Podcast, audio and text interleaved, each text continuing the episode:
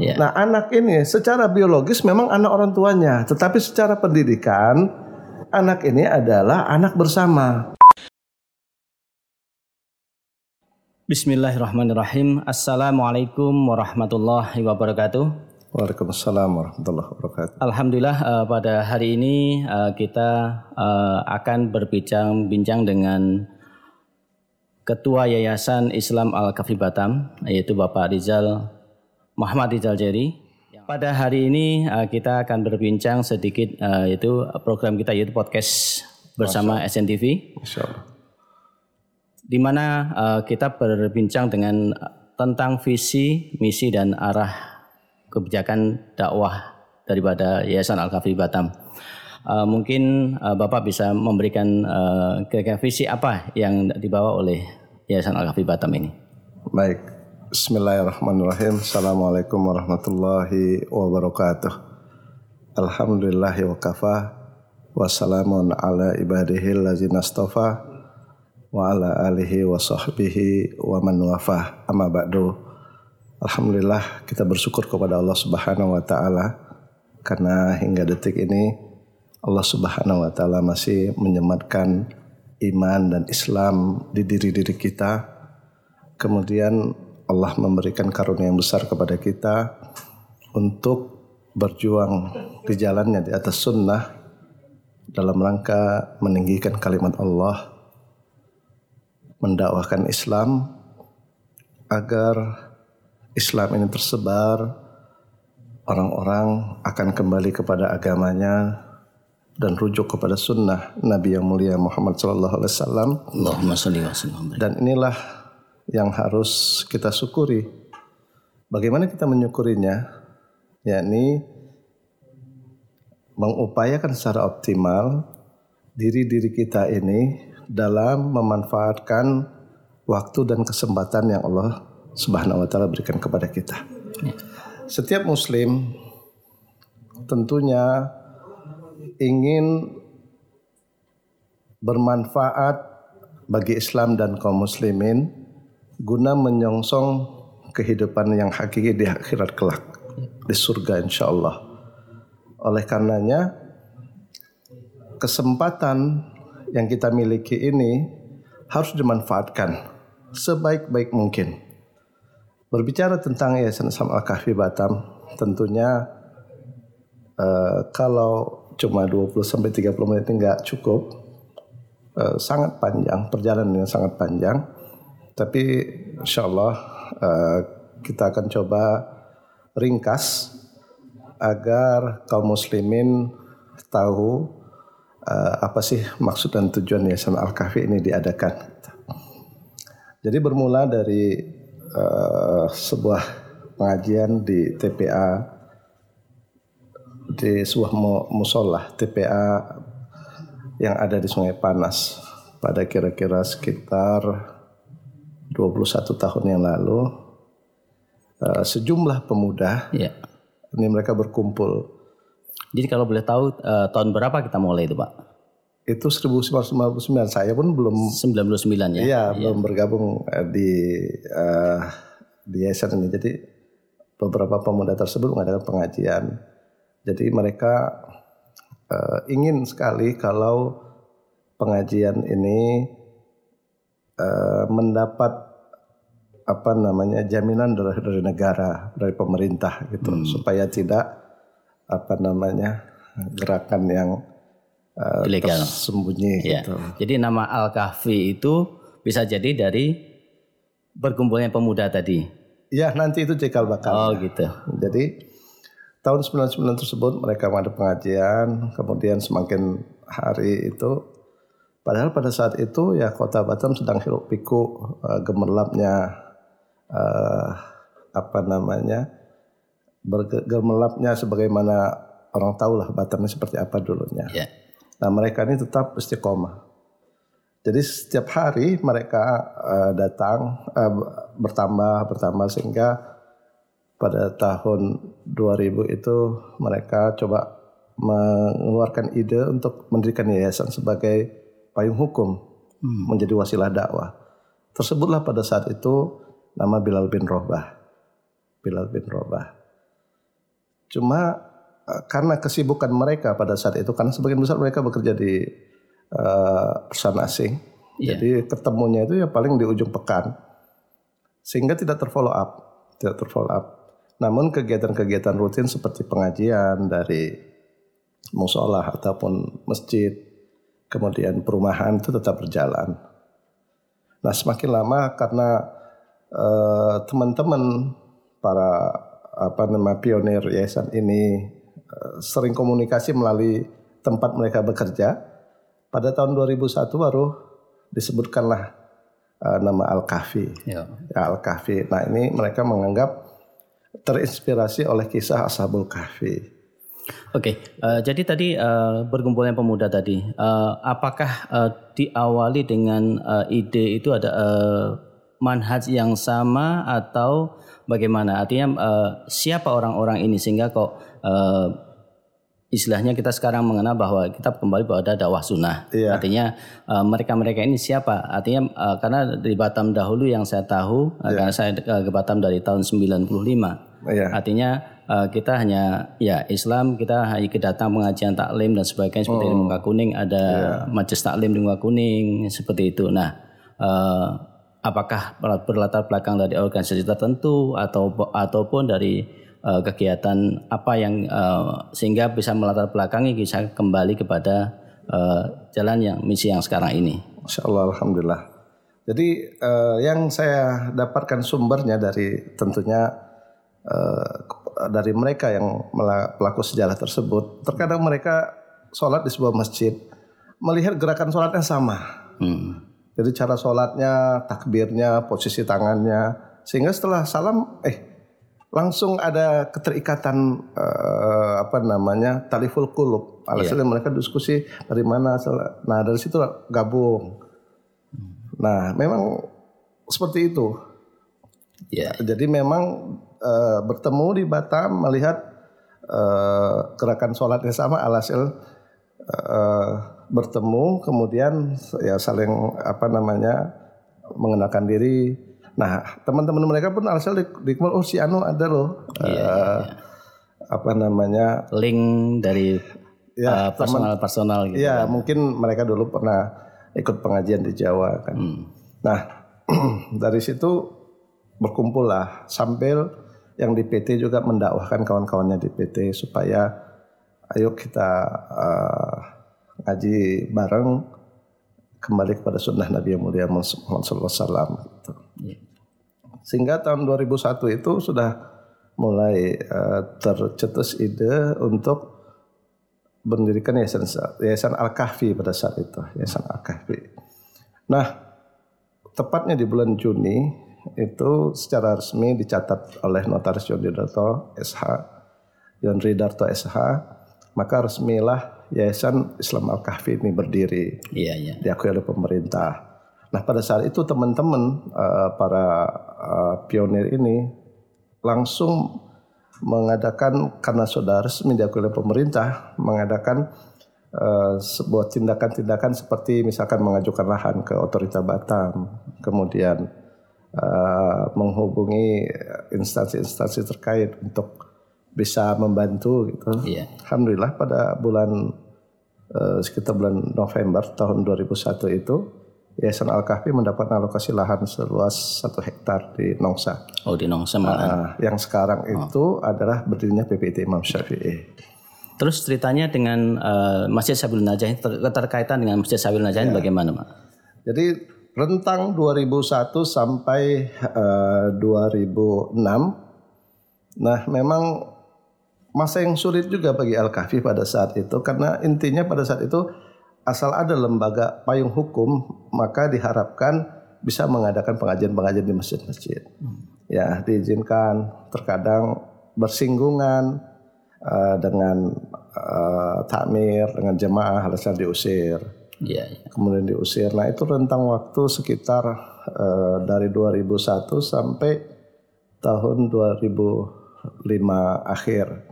Nah salah seorang mereka eh, kenal sama yang pemilik tanah di atasnya berdiri Masjid Sabilun Najah. Mereka ada kenalan lah, kena, kenalan.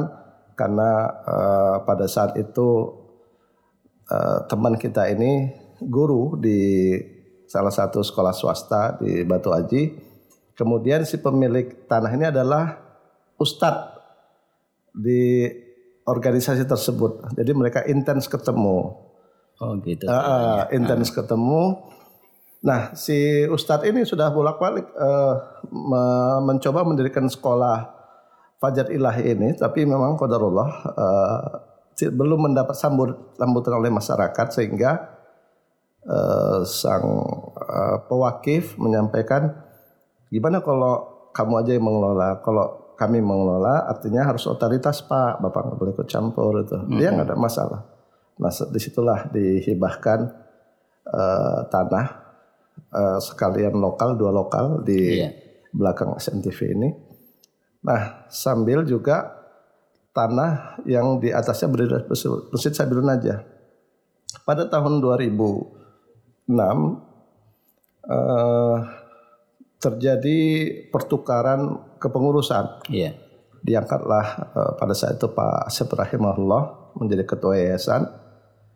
Alhamdulillah beliau memang orang yang benar uh, sulit untuk mendapatkan sosok seperti beliau ini. Kalau istilahnya influencer, tapi dalam kebaikan ya. Iya iya iya. Influencer itu papan atas. Iya. Itu Pak Asep Rahimah. Setiap orang yang bertemu dengan Pak Asep pasti akan terpengaruh oleh Pak Asep dan ikut gitu. Masya. Apakah dia uh, orang hartawan atau ilmuwan atau orang yang punya berpengaruh atau katakanlah orang akar rumput, akar rumput istilahnya. Iya, terus Semua ya. itu terpengaruh oleh uh, Pak Asep rahimahullah. Beliau mempunyai karisma yang luar biasa. Masya Allah. Nah, setahun kemudian itu tahun 2006 itu sudah mulai dibangun Masjid Sabilun Najah. Nah, berbondong-bondong kaum muslimin gotong royong harus uh, menginfakkan harta-harta mereka, tenaga mereka, berilah Masjid Sabilun Najah ini. Jadi mereka Pak Hasem ini rahimahullah uh, Masya Allah beliau apa namanya berjuang sampai hartanya itu habis ya, ya, karena maksud. harus mengurusi yayasan ini ya. tiga tokonya satu persatu tutup Betul, satu persatu tutup nah jadi ini secara singkatnya sampai uh, pada saat itu uh, Al Kahfi ini kalau dilihat di akte notaris itu di yang di versi yang lama 2001 modal setoran modal itu 2 juta. Yeah. Di versi 2011 di akte itu 20 juta. Nah, pada tahun 2019 eh, punya aset sekitar 37 miliar. 37 miliar. Masya Allah. Luar biasa. Uh, ya. Jadi rentang waktu alhamdulillah eh, teman-teman juga yang memang para pionir ini memang merasakan mereka ini adalah bagaimana saya men, memberi manfaat kepada orang lain. Ya. Oke, kalau kita hubungkan sekarang Pak, eh, dakwah ini awalnya dari pengajian, kemudian ya. sekarang kalau nggak salah Al-Kafi udah punya beberapa unit pendidikan, ya. Ya. mulai dari TK, kemudian sampai eh, SMA ya dan yeah. mungkin ada rencana mungkin ke perguruan tinggi tentunya. Yeah, Nah ini uh, apa yang melatar belakangi? Apakah uh, karena dakwah ini uh, paling efektif melalui pendidikan atau bagaimana? Atau bagaimana kita mengenalkan dakwah ini kepada masyarakat? Nah ini yang uh, termasuk dalam uh, visi maupun juga uh, arah daripada uh, yayasan ini. Ya, masya Allah. Jadi ketika beberapa kawan-kawan kumpul di tahun 2000 rentang waktu 2001 sampai 2006 itu ya mereka yang punya anak SMP itu harus menyekolahkan anaknya di pesantren di Jawa. Yeah. Dan yang masih tingkat SD yang menyekolahkan sekolah, sekolah negeri. Nah, termasuk saya juga di sekolah negeri yeah, yeah. anak-anak. Nah, karena sudah berkumpul kemudian ada ada payung hukum tentunya uh, para pionir ini memikirkan kita harus mendirikan sekolah karena yang paling efektif dakwah yang melalui sekolah. Sehingga berdirilah sekolah Fajar Ilahi ini. Muridnya pada saat itu TK-nya sekitar 17, SD-nya 32, 49 tahun 2016. Sekarang 2006. jadi rebutan, ya. Sekarang jadi 2006. rebutan. Ah, sekarang muridnya itu 4000. Iya, Masya Allah. Jadi rentang waktu sekitar 13 atau 14 tahun Iya. itu udah sam- udah sampai 4000 sekarang bahkan nggak nggak cukup gitu. Nah, tentunya ini harus diatur Iya. supaya pertumbuhan yang sangat cepat dari Yayasan Islam Wakaf ini harus mempunyai tata kelola manajemen yang baik. Nah, saya akan menjelaskan visi misi Yayasan Al-Kafi ya. Iya, iya. Visi misi Yayasan Al-Kafi visinya itu adalah mewujudkan masyarakat yang bertauhid, taat beribadah hanya kepada Allah Subhanahu wa taala berdasarkan Al-Qur'an dan As-Sunnah dengan pemahaman salaful ummah. Nah, ini visi dari Yayasan Islam Al-Kafi. Tentunya mengajak manusia kembali kepada Allah. Iya. Nah ini sebagaimana dakwahnya para nabi dan rasul beribadah dengan ibadah yang sahihah yang diajarkan oleh Nabi SAW eh, yang dicontohkan oleh para sahabat kemudian tabiin kemudian tabiut tabiin al aimmatu arba dan sampai ke kita. Nah jadi itu yang menjadi visi misi yayasan. Kemudian apa misinya? yakni menyebarkan dakwah Islam melalui tasfiyah, yakni pemurnian. Jadi agama ini sebagaimana dulu yang dibawa oleh Nabi SAW diajarkan kepada para sahabat. Nah itulah yang kita emban. Jadi harus dimurnikan agama ini. Karena semakin jauh tentang waktunya dari zaman kenabian tentu banyak tercemar di perjalanan yang panjang ini. Kemudian tarbiyah pembinaan yang berkesinambungan. Iya. Jadi misi ini harus mensupport visi. Istilahnya untuk breakdownnya lah ya. ya, breakdownnya. Kemudian eh, misi yang kedua adalah menyelenggarakan pendidikan formal berkelanjutan serta pendidikan non formal. Jadi pendidikan non formal ini ada seperti eh, pesantren pekerja itu Khadijah, Iya. kemudian Riyadus Solihin, kemudian El Bais, kemudian juga eh, cuma El Bais nggak pesantren dia. ya Iya, iya, iya. dengan mengutamakan standar mutu berbasis Islam. Islam. Jadi pendidikan ini tidak asal didirikan gitu. Harus dikelola dengan baik supaya memang bermutu gitu. Apalagi kita menyandang label Islam. Label Islam ya. Iya. Di atas pundak kita ini adalah nama Islam yang subhanallah ketika kita salah, khawatir nanti orang menganggap apa yang ada di pundak kita yang salah. Iya. Nah, ini harus eh, benar-benar diperhatikan. Makanya harus dikelola dengan baik. Kemudian misi selanjutnya dari Yayasan Al-Kafi mewujudkan unit-unit usaha penopang bidang dakwah, pendidikan dan sosial yang halal, baik dan mar- bermartabat. Jadi harus ada eh, di titik tertentu Yayasan Al-Kahfi ini sudah bisa mandiri untuk Artinya kita nggak selalu tergantung oleh infak. infak dari umat. Ya, kalau yang mau infak ya tetap kita Iya. kita terima gitu ya. Tapi untuk meminta-minta kita coba kurangi ya. Iya, iya. Kita kurangi karena kata Nabi alaihi wasallam al aliyadu ul ulia aliyadu ulia khairun tersufla. mina Ya yadis sufla. Ya kan gitu. Tangan di atas itu lebih baik daripada tangan di bawah. Nah kita berupaya seperti itu. Bahkan nanti kita kalau bisa memberi gitu. Nanti ada lanjutannya. Jadi harus ada usaha usaha untuk eh, menghidupi dakwah ini pendidikan, kemudian dakwah seperti yang ada di SNTV ini kan sebentar ya harus disumbang dulu sampai nanti suatu saat bisa ada sponsor atau muhsinin yang ingin komitmen setiap bulan oke seluruh eh, biaya saya cover. Ya. Sebagaimana TV atau radio-radio yang ada di Indonesia ini. Kemudian menuju kader dakwah pendidikan ekonomi Islam yang bermutu.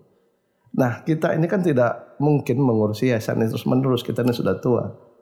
Iya, iya, Gitu. betul. Jadi Terus perlu kadar harus yang ada kuat. kadar, Nah, harus kadar. Kenapa? Kita berharap Al-Kahfi ini bisa eksis sampai hari kiamat sehingga orang-orang yang telah berinvestasi baik dengan ilmunya, baik dengan hartanya, baik dengan tenaganya, baik dengan pikirannya, baik dengan waktunya, Iya. itu akan mendapatkan manfaat nanti ketika Al-Kahfi ini bisa terus ada dan amal soleh itu lahir dari Al-Kahfi ini kita bisa mendapatkan eh, apa namanya amal jariah itu mengalir itu kita harapkan. Oleh karenanya harus ada yang meneruskan. Iya. Pertama harus ada konsep utuhnya. Misalkan kalau istilah kerennya itu roadmap lah ya, roadmap atau peta jalan ya. Harus tahu 10 tahun ke depan ini apa yang kita harus tuju. Hmm. 15 tahun ke depan apa yang harus kita misalkan Saudi itu ada kan uh, vision 2030 kan gitu. Iya, iya, iya. Nah sekarang pendidikan itu kira-kira sepekan yang lalu keluar peta jalan pendidikan Indonesia tahun 2035 dia ambil 15 tahun. Artinya setiap lembaga negara lembaga harus punya peta jalan yang jelas supaya orang-orang yang ada yang mengurusinya itu tahu ke mana arahnya. Iya.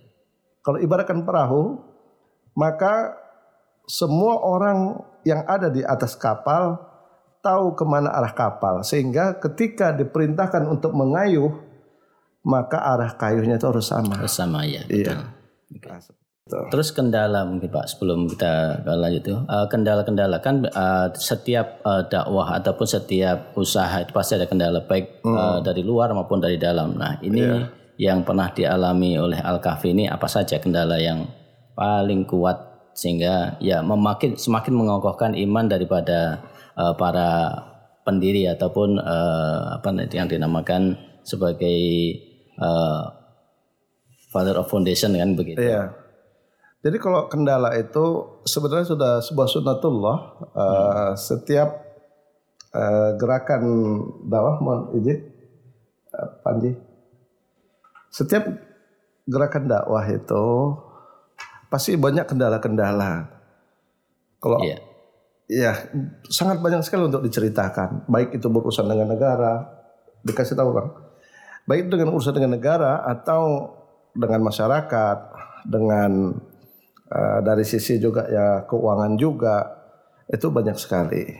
Tapi kita eh, ini menunjukkan bahwa kita itu adalah lemah dan sangat membutuhkan Allah Subhanahu wa taala. Sehingga masalah-masalah yang dihadapi oleh Al-Kahfi ini menunjukkan kelemahan dari kepengurusan orang-orang yang ada di dalamnya sehingga mereka selalu memohon pertolongan, menengadahkan tangan ke langit supaya Allah Subhanahu wa taala membantu yayasan ini. Iya.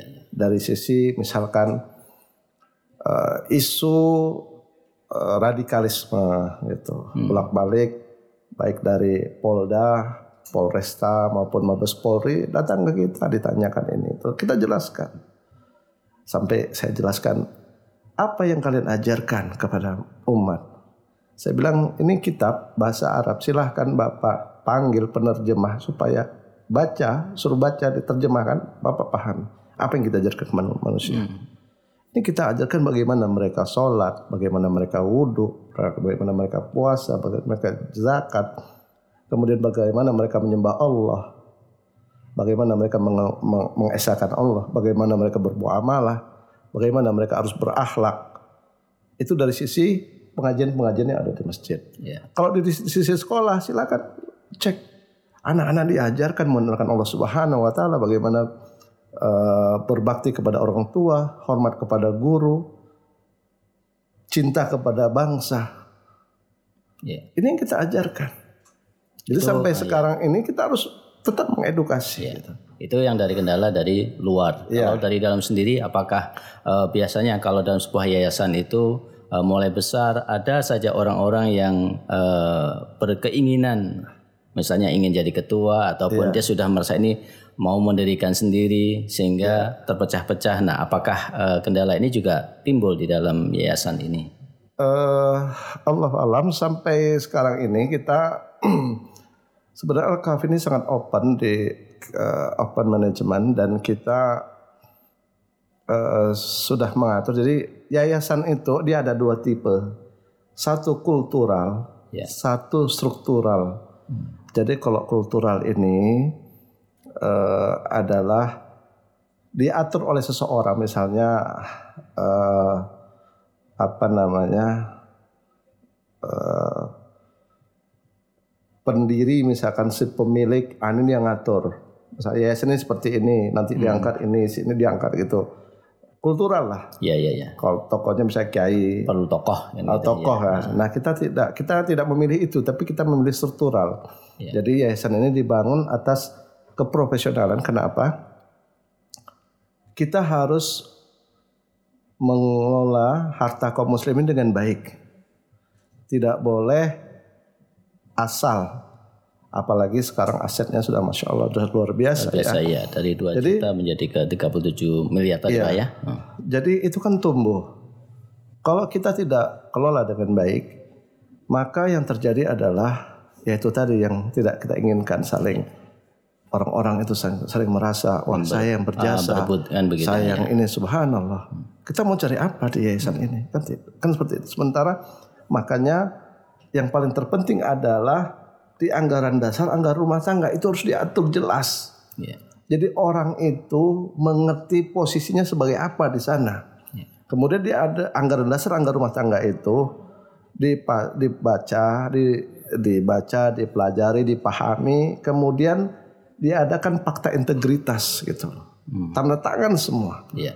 Jadi kalau ada orang yang wah saya seperti ini memang Artinya eh, yayasan sudah mencoba untuk bagaimana eh, hal ini eh, kendala yang dari dalam sendiri tidak memecah eh, ke depannya. Iya. Iya, ya bagus. Iya. Ya, kemudian oke. Eh, kita bicara kemudian ke depan. Ini rencana ke depan dari Al karena eh, kita tahu bahwa pengkaderan adalah eh, visi juga menjadi sebagai visi eh, yayasan ini. Nah, kira-kira eh, dalam jangka berapa lama kita akan mendap- eh, bisa mendapatkan kader-kader yang akan melanjutkan dakwah ini? Ya, alhamdulillah sejak mulai tahun kemarin kita ada eh, memberi beasiswa masih eh, s- ke kepada lulusan-lulusan ataupun anak-anak dari orang-orang yang sudah berjasa di yayasan ini. Kita beri dia bantuan uang kuliah masih dari sisi eh, kuliah keagamaan Ya, ya, ya. jadi nanti ke depan kita akan eh, buka juga yang untuk umum misalkan eh, untuk manajemen, kemudian juga eh, tenaga kesehatan, tenaga medis, kemudian keguruan. Nah ini kan perlu ada, termasuk juga nanti entrepreneur, Iya, gitu, iya, iya. termasuk juga IT gitu. Nah ini eh, tentunya kita harus me- mengalokasikan. Jadi misalkan kita harus membuat anggaran untuk kader ya. Karena membangun sebuah infrastruktur itu mudah ya kan Ya, tidak eh, adapun membangun SDM itu rumit sekali Mm. kalau infrastruktur kita ada duit kita langsung bangun atau kita hutang kita cicil secara bertahap kemudian gedung itu jadi kita mau bentuk seperti apa bisa tapi pun adapun kader ini kan mereka kader manusia ya ya. jadi akan melanjutkan. perlu pendampingan, perlu pendampingan, perlu motivasi kepada eh, para mahasiswa itu supaya mereka nanti benar-benar ketika mendapatkan beasiswa itu belajar dengan baik, Ya, belajar dengan baik dengan hasil yang maksimum, kemudian ya harus nanti mengabdi. Jadi kita buat peraturan itu adalah n plus satu kalau nggak salah N plus satu artinya Ya, eh, pengabdian selama ya selama kuliah. lebih tambah satu tahun. Ya, ya, seperti itu. Nah, nanti setiap tahunnya kita akan evaluasi. Misalkan kita menetapkan setiap semester itu Anda harus nilainya apa nih? Eh, misalkan jahit jidan gitu. Misalkan gitu ya. Dia dapat jahit. Nah bisa jadi atau dia dapat misalkan makbul bisa jadi nanti nggak diperpanjang karena kita menganggap ini dia nggak tidak mampu gitu. Jadi memang benar-benar kita kita apa nama seleksi dengan baik. Adapun kesal, eh, kesulitan nanti para kader di dalam menuntut ilmu nanti kita akan support dia apa yang menyebabkan anda tidak bisa berprestasi Iya, iya. Nah, Oke, jadi itu tadi adalah program untuk mengkader ya Pak ya. Iya. Eh, kemudian oke, eh, ini kan eh, sekolah ataupun eh, ruang dakwah daripada Al-Kaf ini eh, terus berkembang. Iya. Nah, kira-kira harapan Bapak sebagai ketua yayasan saat ini untuk ke depannya dan istilahnya eh, bagaimana mengembangkan agar eh, dakwah ini semakin dikenal masyarakat, kemudian eh, masyarakat paham mana Islam yang eh, diajarkan Rasulullah dan mana yang eh, sekarang ini eh, mungkin bisa dikatakan agak menjauh dari tatanan eh, ajaran yang sesungguhnya dari Rasulullah. Iya, Masya Allah. Jadi kesulitan kita pada saat ini adalah memang di pengurus yayasan ini memang sedikitnya SDM yang bisa menangani ini, menangani lembaga yang sudah sebesar ini. Eh, sekarang kita masih bisa baru tahap mendakwahin anak-anak kaum muslimin. Jadi anak-anak yang bersekolah ke kita, kita berikan pelajaran agama, pelajaran akhlak, pelajaran Al-Quran, pelajaran umum. Tetapi orang tuanya belum tergarap. Iya, iya. Nah orang tua yang mau mengaji dengan datang ke beberapa pengajian di Masjid Sabilun Najah, Masjid Ais, Masjid Al Amin, itu kan hanya terbatas. Sehingga berjalannya waktu kita mengadakan evaluasi. Ini bagaimana nanti ke depan supaya jangan anaknya saja yang mendapatkan pendidikan agama, Hmm. tetapi orang tuanya Orang juga. tua juga harus Nah ini bagaimana?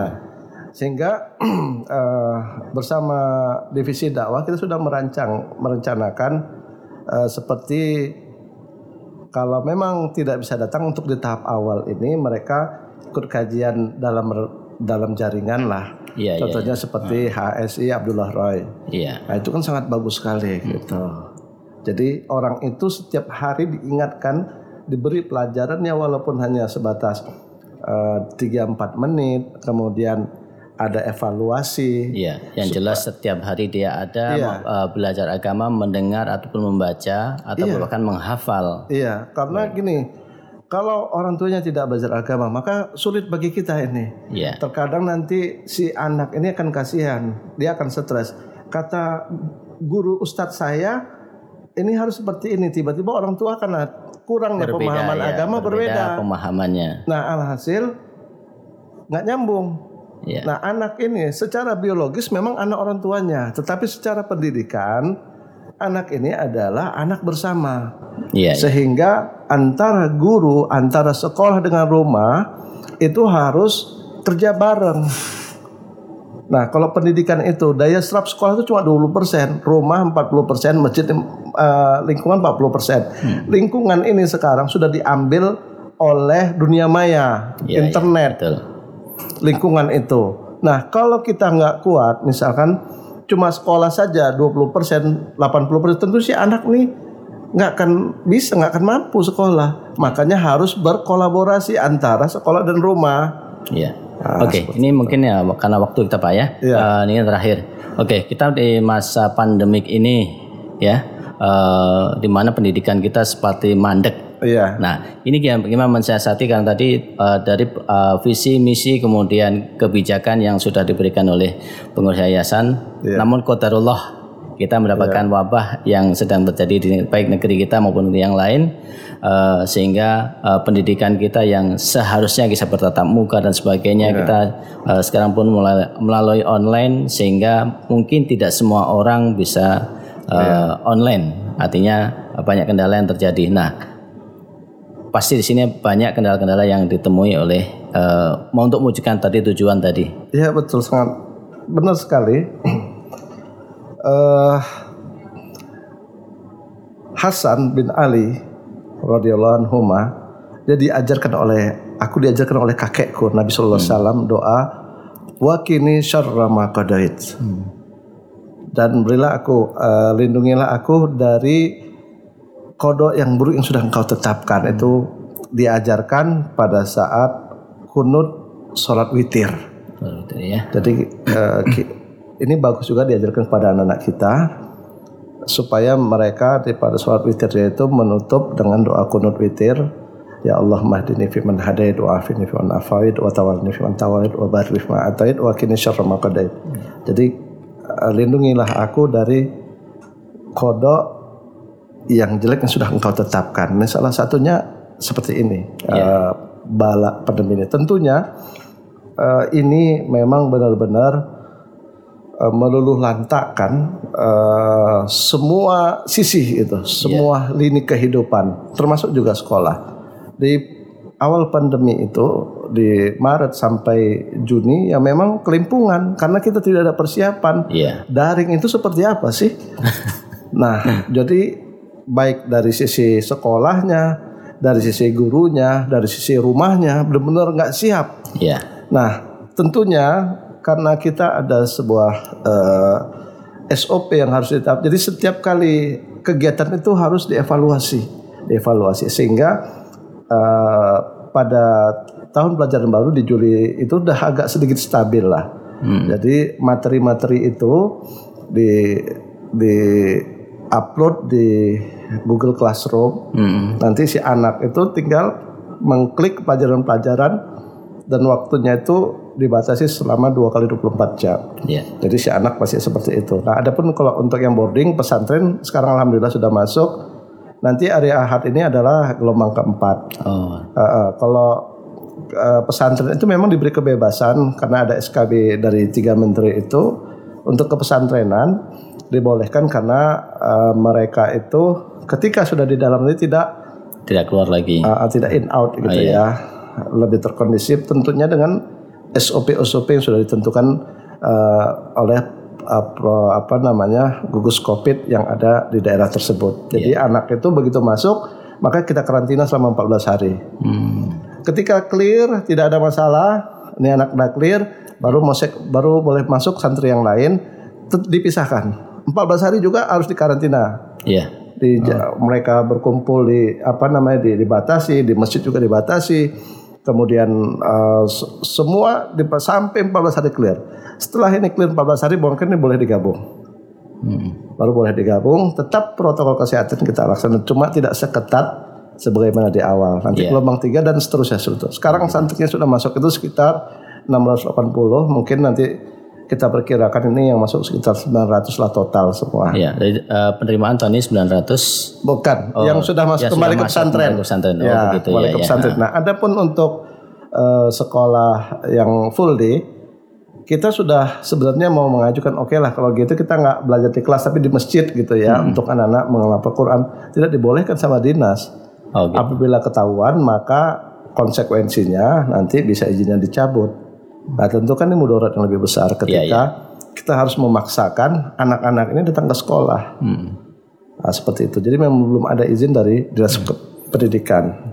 Jadi untuk oke, okay, jadi anak-anak yang uh, full day uh, ataupun yang uh, pulang uh, da, uh, dari sekolah. Yeah. Ini uh, rencana ke depan itu kira-kira uh, bagaimana kita, kita belum tahu sampai kapan pandemi ini akan berakhir. Uh, yang jelas kita menunggu dari pemerintah ya yakni Dinas Pendidikan Kota Batam. Yeah.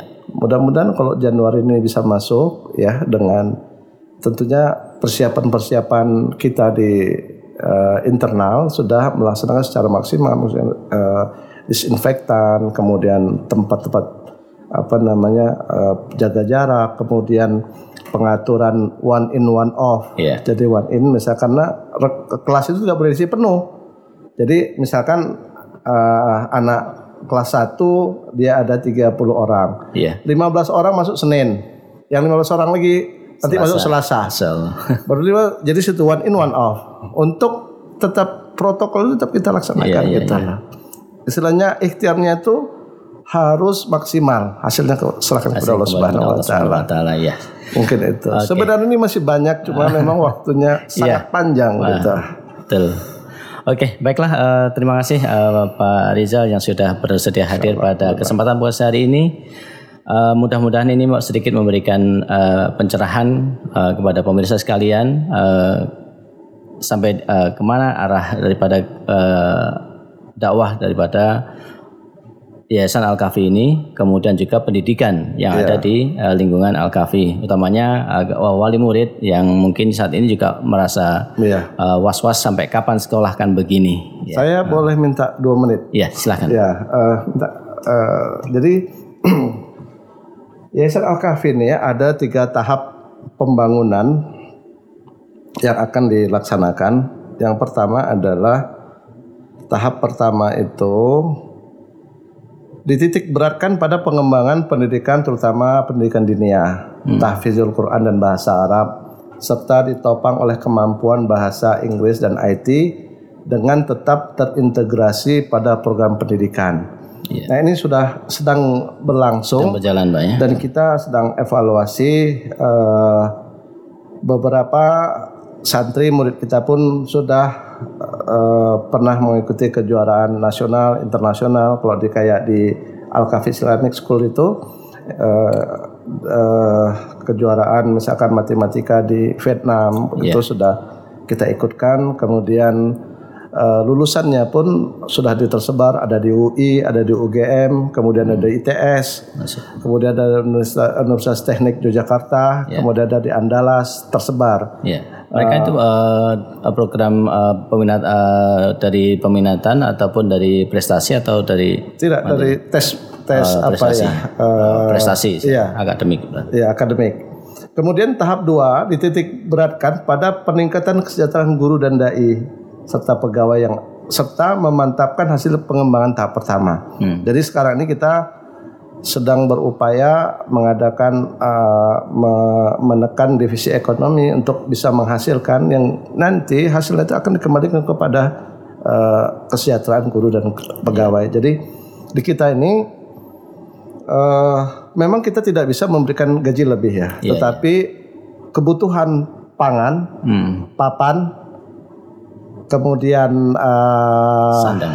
sandang, kemudian kesehatan, kemudian pendidikan yang kita jamin Ya ya ya. gitu. Jadi tidak ada guru yang tidak makan atau kurang makan. Jadi kurang makan kita selalu buka, tolong kasih tahu dan eh, kerahasiaan pribadi, kepribadi Anda kita akan tutupi gitu. Kita akan Iya, iya, bantu.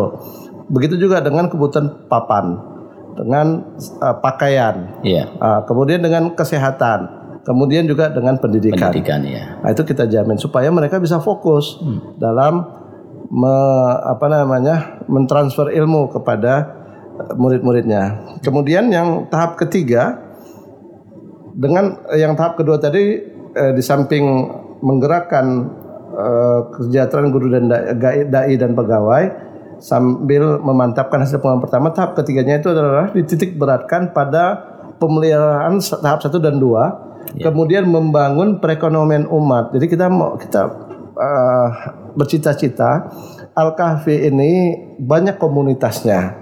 Kalau bisa dia ini uang itu beredar di antara kita saja gitu. Loh. Misalkan Al Kahfi ada usaha, maka ada wa- wali murid mungkin konsinyasi sama kita ataupun yang belum misalkan terimbas oleh PHK bisa bekerja sama kita. Iya. Untuk bisa menghidup apa namanya saling membantu lah gitu. Itu yang kita nanti di tahap ketiga. Iya. Kemudian yang terakhir adalah bahwa di Al Kahfi ini ada budaya kerja. Jadi ada budaya kerja. Yang pertama adalah keikhlasan dan kejujuran. Ada budaya kerjanya, keikhlasan dan kejujuran. Nanti dalilnya itu nggak cukup waktunya. Kemudian kepemimpinan, keteladanan, keikhlasan nggak cukup ikhlas, dia harus Iya. jujur. Kadang ada orang ikhlas tapi dia kurang jujur. Ah. Nah ini ikhlas jujur. Kemudian yang kedua kepemimpinan dan keteladanan. Dia pemimpin tapi tidak memberi- bisa memberikan Tidak keteladanan. ya. Nah, yang ketiga adalah kerja jelas dan kerja tuntas. Ada kerja jelas, orang kerjanya jelas. Di Kerja ini ini, Tapi nggak tuntas. tapi tidak tuntas. Nah, kemudian yang keempat kepedulian dan tanggung jawab. Dia peduli, dia tanggung jawab. Kemudian yang kelima adalah komitmen dan konsisten. Hmm. Nah ini budaya yang nanti insya Allah secara bertahap kita akan sosialisasikan. Eh, mudah-mudahan ini adalah bentuk ikhtiar dalam eh, menyusun strategi rencana dan strategi pengembangan Yayasan Asal Al Kahfi ke depannya. Iya. Setelah itu kita tawakal kepada Allah Subhanahu wa taala. Iya. Baiklah, ya, uh, ya itulah uh, bincang-bincang kita ya. Uh, mudah-mudahan ini uh, bermanfaat bagi kita semua dan harapan dan tujuan bisa tercapai insya Allah dengan ya. uh, mengharapkan uh, dengan uh, arahan ataupun dari ridha Allah Subhanahu wa taala. Insyaallah. Baiklah demikian saja podcast kita. Terima kasih jazakallahu khairan atas kehadiran Bapak. Ya, Assalamualaikum warahmatullahi wabarakatuh. Waalaikumsalam